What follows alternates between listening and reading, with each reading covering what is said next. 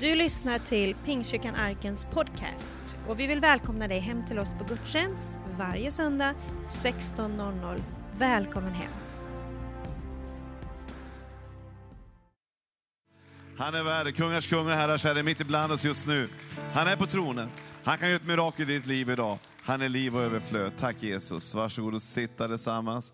Fantastiskt gott att få höra och få, få ta del av lovsång och tillbedjan. Och eh, det är så glädje att få komma samman i Guds hus alltid. Jag ska tala om, om någonting som jag, som jag älskar. Det är att eh, Gud är med dig, vad som än händer. Och så är du i Guds händer. Och eh, det är inte över förrän det är över. Det är inte över förrän det är över. Det lärde mig av Björn Borg.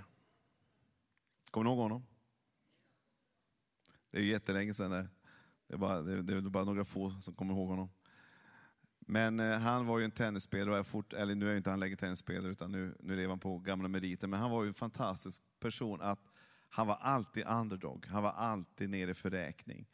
Ingen trodde på att han skulle kunna vända matcherna.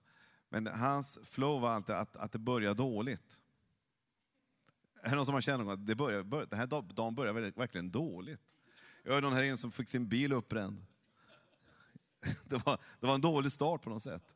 Vi önskar att Gud ska kompensera dig för din bil, för att du tog den enda vägen hit. Det är en bror där som får sin bil nedbränd här i natt. Men Gud ska välsigna dig, för att du ändå, han tänkte jag ska ändå ta mig till kyrkan. De kan bränna bilar, de kan ju vara som helst, men jag ska till kyrkan. jag gillar den anden, det är vikinga spirit. Men eh, det kan börja dåligt, men han, han det var inte över. Björn Borg hade en förmåga att, att hålla fast. Och att eh, eh, han brydde sig inte om hur trenderna gick eller hur känslan gick, utan han bara fortsatte att mata. Han bara fortsatte att springa efter bollarna. Han tänkte inte på vad se nu, nu kanske jag förlorar hit och dit, utan han bara fortsatte och fortsatte och så vann han. Därför att vindarna vände. Och mitt i alltihop så var han igenom och över på andra sidan. Och han vann matcherna, han vann, vann tror jag, fem Wimbledon och jag tror det var sex eh, Franska öppna. Fantastisk spelare, men hans, hans signum var att han gav sig inte. Och det vill jag att du ska känna också den här eh, eftermiddagen. Ge dig inte. Det är inte över förrän det är över. Inte förrän en dag som vi är hemma i himmelen. Den dagen, då är det över.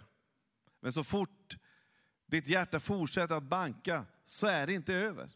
Utan Gud har en plan. Och Gud kan vända det som du just nu kanske tycker att det är en uppförsbacke eller kan vara någonting som har skett i ditt liv. Eller det kanske var en svår start på det här, det här året. Eller eh, du tänker, när kommer andra halvleken? Men du vet, det är inte över förrän det är för Gud är på tronen fortfarande och han har allting i kontroll. Han är fortfarande universums herre. Och det är han som vill luta oss emot. Han ska hjälpa oss igenom allting. Han har makten att förändra saker och ting. Om vi bara inte släpper taget om honom. Han släpper aldrig taget om dig.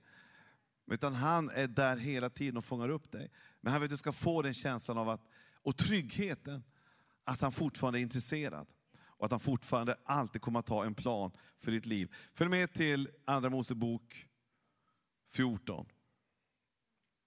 Så står det här om eh, Mose. Mose var ju äldre här, han var uppåt 80 år. Eh, men han hade sin prime time. Jag vill bara säga det, du som kanske kommit en bit på, på, på, på din sträcka. Den bästa tiden kan vara nu. Hon som förde mig till tro på Jesus, som var 86 år gammal. Hon bad i 20 år och sen bröt det igenom. Och eh, hon fick följa min resa, vad Gud gjorde i mitt liv. Jag kommer från en helt annan bakgrund. Men, men Gud frälste mig på grund av en äldre dam som inte gav upp. Hon fortsatte varje gång jag hälsade på henne och drack hennes kaffe, så tog hon alltid fram Bibeln. Och så läste hon. Och så sa nu ska vi be Anders, sa eh, Och jag kunde inte det, men hon bad. Hon bad, hon skrek. Hon var en gammal pingstvän med knut i nacken. Kommer ni ihåg dem? De var farliga. De var livsfarliga. De var farliga för djävulen framför allt. För de var så på alltså. Hon skrek, hon brydde sig inte om någonting, hon bara försvann in i en egen värld. Hon bad igenom mig. Hon kände att det är inte över förrän det är över. Så hon levde tills hon var 91. Men hon bad igenom mig till frälsning. Kom igen. Vi tar nästa halvlek nu. Nu växlar vi upp. Nu tar vi nästa steg. Och det som skedde med, med eh, Moses, det var att han fick ju förmånen då att, att leda e, ett folk som heter Israel. De hade varit förslavade, om du kanske inte är så enligt bibeltexterna. Det var så att, att eh, Eh, det fanns ett folk som, som hette det judiska folket, hamnade eh, av olika orsaker i eh, Egypten, var det 400 år. Eh, och eh, de, de, var, de blev förslavade. Eh, och eh, de, I början var det väldigt bra, men sen så var det successivt mindre och mindre trängt för dem. Det gick gradvis. Och till slut så upptäckte de att de helt plötsligt var slavar. Eh, och de var ett fritt folk egentligen, men blev en del av den egyptiska ekonomin faktiskt. Slavar var på den tiden big business. Och eh, farao ville inte släppa dem. Han ville inte släppa iväg dem, utan, men Gud hade en plan. Han, hans tanke var ju att frälsaren skulle komma ur det judiska folket. Eh, och de skulle inte vara kvar i Egypten, utan de skulle komma tillbaka till Kanans land. Och utifrån den så skulle Messias komma. Så Gud hade en specifik plan med hela folket, precis som man har med varje människa, så har han en specifik plan. Och den planen finns så länge vi lever. Och han ville föra ut den planen och gjorde det genom Moses, som fick hjälpa folket ut ur Egypten genom en mängd olika plågor. Så till slut så sa farao, det är nog, jag släpper folket. Men det han bara gå en halv dag så hade han ångrat sig. Och vill ha tillbaka allting igen. Eh, och eh, så farao sänder iväg sina stridstrupper. Det här var en supermakt på den tiden. Så det var ingen liten armé som kom där springande. Utan det var ju supermakten som var efter dem. Och de var ett folk som inte knappt hade några vapen. De var förslavade. Men, men hade precis blivit frisläppta. Och i det läget så hade de kommit ut ur, och var på väg ut ur Egypten. Och då står det så här, att när farao närmade sig lyfte Israels barn blicken och fick se Egyptierna som kom tågande efter dem. Israels barn blev mycket förskräckta och ropade till Herren. Och de sa till Mose, fanns det inga gravar i Egypten eftersom du har fört oss hit för att dö i öknen? Vad har du gjort mot oss? Varför förde du oss ut ur Egypten? Var det inte det vi sa till dig i Egypten? Vi sa, låt oss vara så att vi får tjäna egyptierna. Det hade varit bättre för oss att tjäna egyptierna än att dö här i öknen. Moses svarade folket, var inte rädda. Stanna upp och bevittna den frälsning som Herren idag ska ge er. Så som ni ser egyptierna idag ska ni aldrig någonsin se dem igen. Det här är en väldigt viktig bibeltext, just den lilla meningen. Så som ni ser egyptierna idag. Vad var det de var rädda för? De var rädda för egyptierna. Men så som ni ser, det ni fruktar allra mest i livet, det ni är allra mest rädda för, och det som ni har allra största respekt för, så som ni ser det idag, så kommer ni aldrig mer att se det igen. Vad än du är rädd för idag, så finns det ett botemedel. Och Gud vill komma med det botemedel till dig idag och ge dig frihet. Som gör att du inte bara känner att du har kommit ett stycke på resan, utan Gud vill ge dig någonting som gör dig en större frihet. En växande frihet. Där du känner att du inte bara kommer ut ur Egypten, utan Egypten börjar komma ut ur dig också. Vi kan komma ut ur saker och ting, vi kan fortfarande ha spår av det. Vi kan komma ut ur svåra situationer. Jag kommer ju från en, en situation där jag inte hade, jag, eh, jag kommer inte från en, från en kristen tradition, jag kommer inte från en frikyrkotradition heller. Utan jag kommer från en, från, en, från en vanlig sekulär tradition. Och när jag kom in, det är som att komma ut ur Egypten på ett sätt.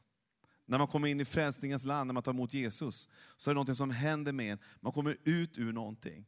Man kommer ut ur ett liv där, där eh, man upptäcker att livet har en, mening, en djupare mening. Man, man kommer ut ur slaveriet och att vara rädd för döden, för du vet att du har evigt liv. När du tar emot Jesus så upplever du att, att dina, dina synder är förlåtna.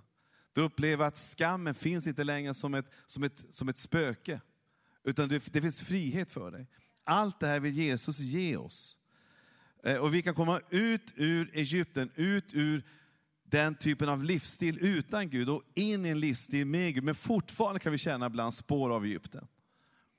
Saker och ting som vill binda oss, saker och ting som vill få oss rädda. Men idag är en dag då jag upplever att Gud vill hjälpa dig att komma lite mer ut i frihet. Där du känner att du inte är lika mycket styrd av känslor faktiskt. Av fruktan, för det du kanske fruktar allra mest. Utan Gud vill gå lite djupare in i ditt undermedvetna och göra dig fri. Det som, därför att Bibeln säger så här, den som sonen är fri, han är verkligen fri. Han kan göra dig fri idag. Det kan finnas lager i oss av fruktan som vi knappt tänker att de finns där. Men när vi hamnar i en situation så känner vi, oj, vart kom den känslan ifrån? Varför upplever den här frestelsen? Varför upplever den här problematiken? Det kan vara så att exempelvis om du flyger, jag har ju flugit ganska mycket och jag var, jag var väldigt, väldigt rädd för att flyga. Eh, men i ett till, tillstånd och i ett tillfälle när jag var i en sån här lovsångsstund i, i Sydney, så lyssnade jag på en man som heter Matt Redman som prisade Jesus. Och jag tog så enormt lång tid att bara prisa Jesus tillsammans med det gäng som fanns där inne. Och Gud gjorde någonting i mig. Som jag upptäckte sen när jag satt på flygplanet. Egypten var borta. Sen dess har jag aldrig varit rädd att flyga.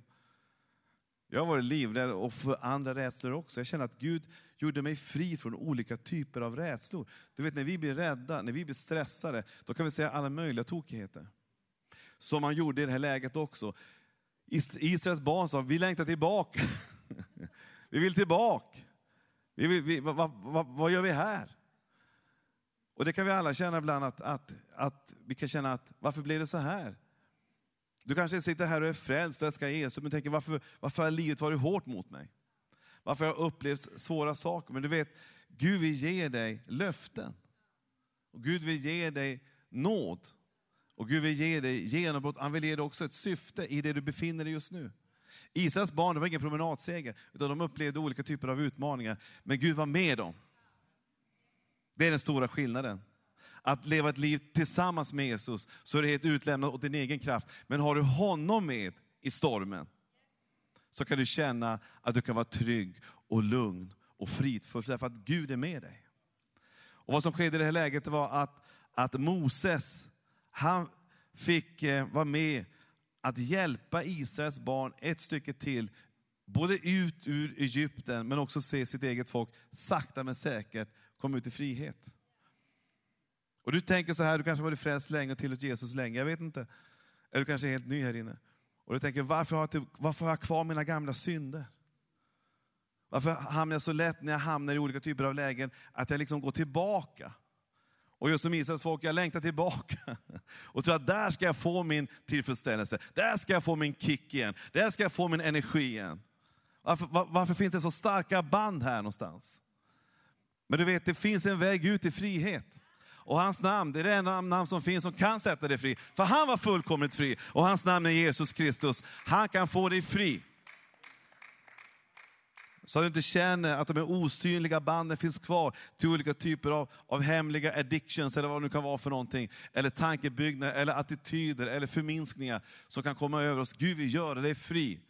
Jag tror inte vi fullständigt fullt ut har sett en fullständigt fri människa än. Jag önskar att vi få se ännu mer frihet bland Guds folk. Att kunna göra precis vad Anden säger till oss, vad Anden lägger in i vårt hjärta, vad Gud leder oss in i. Det är den enda som har gjort allting fullkomligt, det är Jesus Kristus själv. Han gjorde revolution där han gick fram.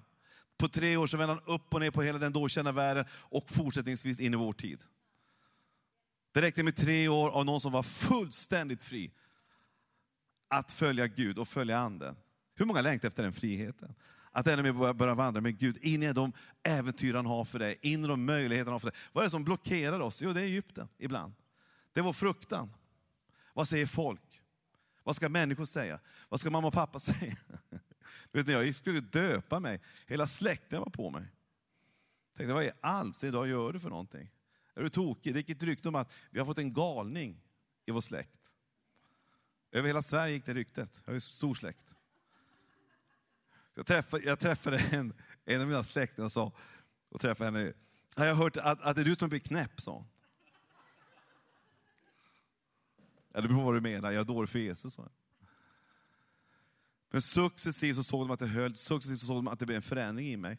Successivt så såg de att jag var, att jag var glad att kunna ge dem mycket av kärlek. Och de såg att, att det var inte sån här, våldsam jobbig knäpphet, utan det var en positiv knäpphet.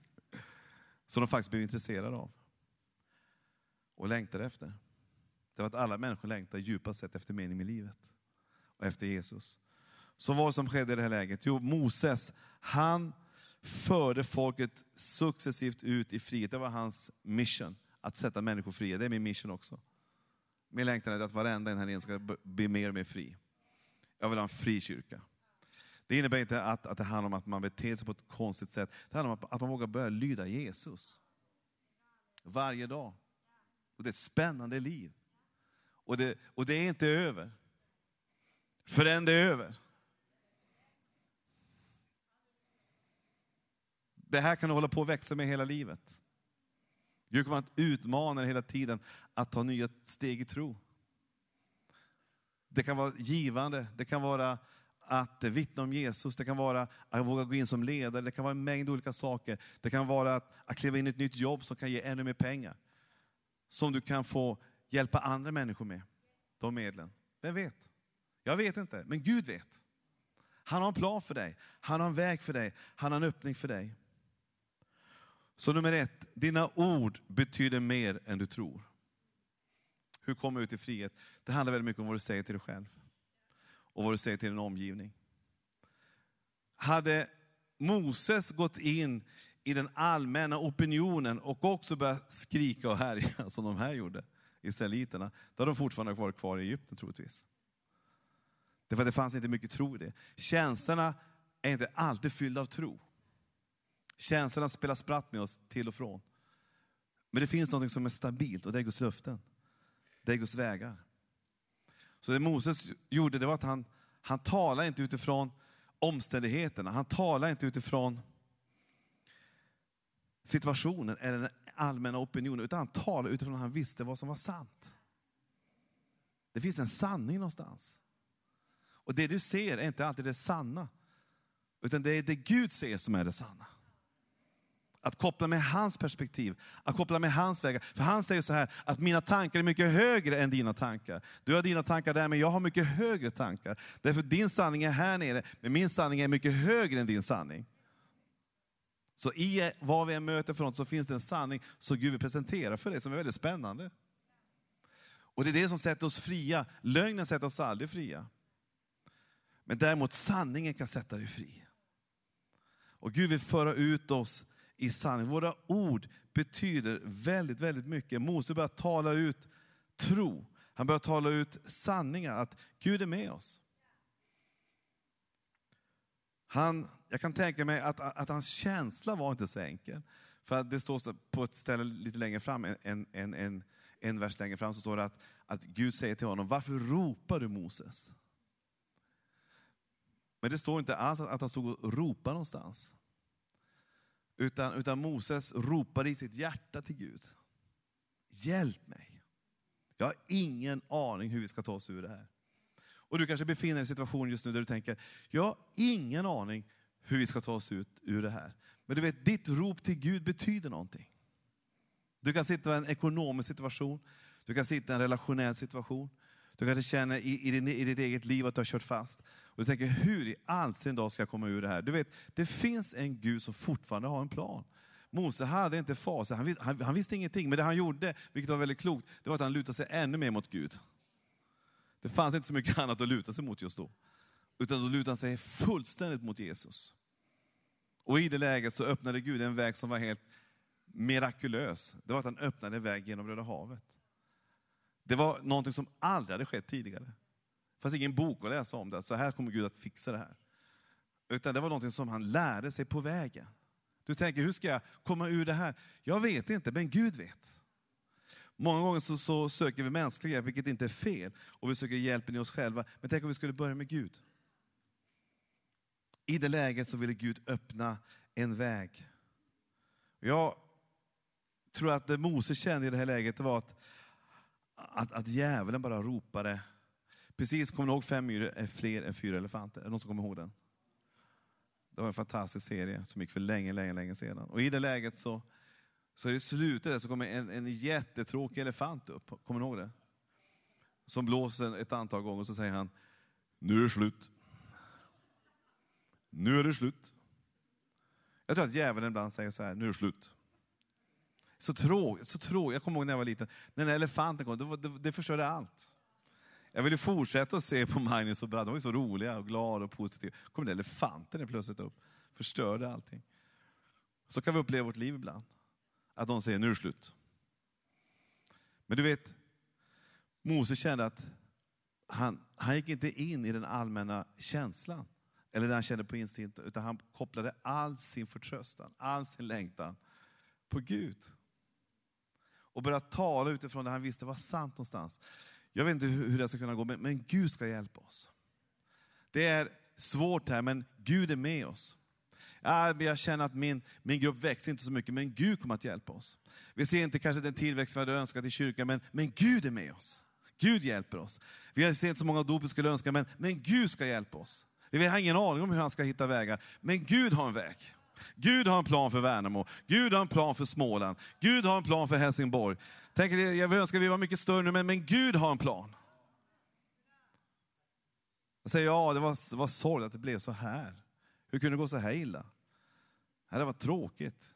Jag hade hoppats på mycket bättre, mycket mer. Vad tragiskt det allting blev. Vad jobbigt det blev plötsligt. Om du börjar tala på det sättet, det är ingen tro. Men börjar tala, och det är, det är inte så att vi, vi flyr från verkligheten. Men vi måste koppla in gudsperspektivet. Han är med. Han älskar dig. Han vill dig väl. Han har en framtid för dig och han har ett hopp för dig. Och det Moses sa, att det är inte slut.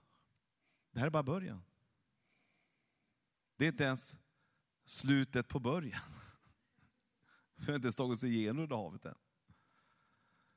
Och Det som skedde i det här läget var att, att Moses fick se ett mirakel. Jag tror att när vi kommer till slutet av oss själva, det är då miraklen börjar ske. När vi tänker att vi ska klara av allting, vi kan fixa allting, det kräver inte så mycket tro. Men när vi känner att vi gör det omöjliga, det här, det här fixar vi inte. Det är då miraklen börjar ske. Så länge vi kan kalkylera allting, så länge vi kan eh, systematisera allting, organisera allting, så, så kräver det inte så jättemycket tro. Men när vi tar ett steg ut, därför att Gud har sagt det, att kliva ut i någonting okänt, det är där du behöver känna, wow, nu, nu hoppas jag verkligen att jag hörde rätt här. För här behöver det verkligen finnas någon substans. Jag kommer ihåg när vi byggde Connect Church i många, många år, så började Gud leda in i oss att börja eh, satsa på stora byggnader för att samla fler folk. Så vi började hyra större och större lokaler faktiskt. Eh, för att ha olika typer av samlingar. Så vi hyrde eh, ja, Storan och olika typer av lokaler. Och jag, jag kommer ihåg varje gång vi hyrde en stor lokal, vi hyrde en lokal i Post eh, Hotel, det är över tusen sittplatser. Vi var i kyrkan på kanske 500 eller 250 kanske. Och vi hyrde med stor lokal för att vi, vi ville nå fler människor för Jesus. Det var vår längtan och Gud, vi upplevde att Gud välsignade de stegen. Men varje gång när vi stod där, jag och Camilla, och tittade ut över alla dessa 1200 tomma sittplatser, så tänkte vi, är vi, är, är vi knäppa i huvudet? Eller vad håller vi på med för någonting? Det, det kändes så konstigt. Men i, det läget så, och det, i de lägena så, så börjar du faktiskt be desperata böner. Du börjar som Moses, Gud, nu måste du hjälpa oss. Jag tror att det behagar Gud när vi börjar be desperata böner. Att du bara, du, du bara måste komma nu. Nu måste bara någonting hända. Och vi blev alltid lika förvånade när vi såg hur lokal efter lokal, ända fram till Lisebergshallen med 2500 sittplatser, fylldes till sista sittplats. Alltid lika förvånad. Gud var inte förvånad, men vi var superförvånade. Att det verkligen fungerar att tro. Hur många längtar efter ett äventyr med Jesus? Att få se lite mirakel ske runt omkring oss. Att få se genombrott där, där du går fram. Att du får se saker och ting som du alla trodde skulle kunna ske. Men du vet, det är först när vi tar de här stegen ut i det okända, tar de här stegen där kanske ingen har varit tidigare. Mose hade aldrig sett något hav dela sig tidigare, han hade, hade aldrig hört om det heller. Men han vågar ändå ta ett steg ut i det okända och se att det höll. Och jag vet inte vad du går igenom just nu, men du vet, Gud är för dig, han är med dig. Och det, han kommer att leda dig och navigera dig igenom. Vilket problem du än befinner dig just nu, så kan Gud navigera dig igenom det. Han kan hjälpa dig igenom det. Därför att han är en Gud fylld av kraft och mirakler. Så Moses, han kom ut i frihet. Guds löften blickar alltid framåt, aldrig bakåt. Gud tittar alltid framåt. Jag har en, eh, hade en farmor som, hon heter Lilly. Eh, och hon, hon var en av de få kristna i min släkt. Hon, eh, hon var inte pingst, hon, hon var baptist. Och hade blivit frälst som ung. Hennes man var, var ateist, Hette Tor. Eh, det är min farfar. Och eh, hans närmaste kompis heter o, o, Odal. Mycket märkligt. Eh, parentes. Tor Odal. Det var bästa kompisarna. Uppe i Kiruna. Eh, men eh, min, min farmor var, var ju på...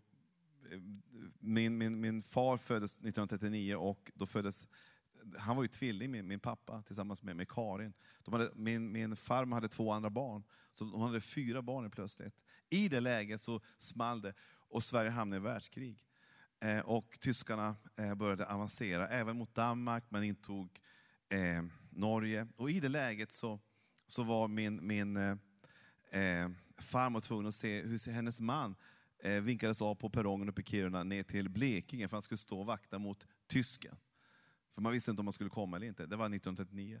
Och när hon står där på perrongen och vinkar av sin, sin man, så kom en sån enorm fruktan över henne. Hon kände att hon blev alldeles iskall. Hon tänkte, hur ska det gå? Hur ska, hur ska jag ta mig igenom det? Hon fick, hon fick ångest, panikångest. Men när hon går därifrån på tågperrongen och tittar upp mot himmelen, så ser hon hur enormt stor och mäktig himmelen är. Och norrskenet lyser där. Och hon gick där och tittade uppåt och började fundera på Gud. Och i det läget så fick hon ett ord till sig. Och det är det här ordet. Ty så hög som himlen är över jorden, så väldig är hans nåd över dem som vördar honom. Och det ordet var inte bara ett ord eller en tanke som lät bra, utan det gick rakt in i hennes undermedvetna. Det gick rakt in i hennes hjärta, in i hennes ande och blev som en explosion av frid på insidan som gjorde att hon, all typ av fruktan pressades ut ur henne. Och Egypten försvann. Och hon känner fullständigt i det läget att den som son är ju fri, han är verkligen fri. Det här storyn fick jag höra gång på gång på gång, för det var så definierande upplevelse för henne. För hon kände att Gud var där, Jesus gjorde någonting. Men det var ett ord, ett löfte från Bibeln som förändrade alltihopa. Därför är det så bra att läsa Bibeln. Därför att det kan vara ett ord som kan förändra ditt liv för all framtid. Och när hon läste det ordet så skedde det en förändring i hennes hjärta. Jag bara uppmuntrar dig att våga läsa Guds ord. Och det hon berättade sen för mig, det var den, den upplevelsen av att när hon, från den dagen, och jag hörde den här storyn så många gånger, och även 50 år senare, när hon var gammal och äldre, så sa hon, från den dagen så har jag aldrig någonsin varit rädd för någonting. Och då menar hon aldrig varit rädd för någonting. Alltså Gud tog tag i det som vi kallar för fruktan och förändrade det till förtröstan istället. Och jag tänker att det är omöjligt, men för Gud är allting möjligt. Jag tänker sådana här stories, det funkar inte. Jo, men för Gud funkar det. Hon hade andra svagheter och utmaningar i livet, men just det området känner hon att jag förtröstar på Gud. Vad än som händer med ekonomin, vad än som händer med relationer, vad än som händer med mina barn. Jag litar på Jesus, jag litar på Gud. För hjälpte han mig där, så kommer han hjälpa mig här. Och det hon upplevde var att det vart inget krig, hennes man kom tillbaka, de fick leva ett, ett, ett bra liv. Och Gud var med, barnen och barnbarnen och alltihopa. Och hon såg att, att Gud var med. Och jag vet inte hur du har det i ditt liv just nu, jag vill bara uppmuntra dig. Lita inte i första hand på dina känslor. Lita inte ens på negativa rapporter. Lita inte ens på det du ser just nu för dina ögon. Utan tänk på, på, det, på de högre tankarna Gud har. Och han kommer ge dig frid och vila. Jag vet inte vad du går igenom just nu eller brottas med. Men jag bara ger dig en uppmuntran. Egypten är slagen. En gång för alla. Och nu ska Egypten inom oss få tåga ut en efter en. Och Gud vill ge dig en frihet som är exceptionell. Där du, där du kan få känna att du verkligen vågar gå tillsammans med honom in i en tid som han har bestämt för dig.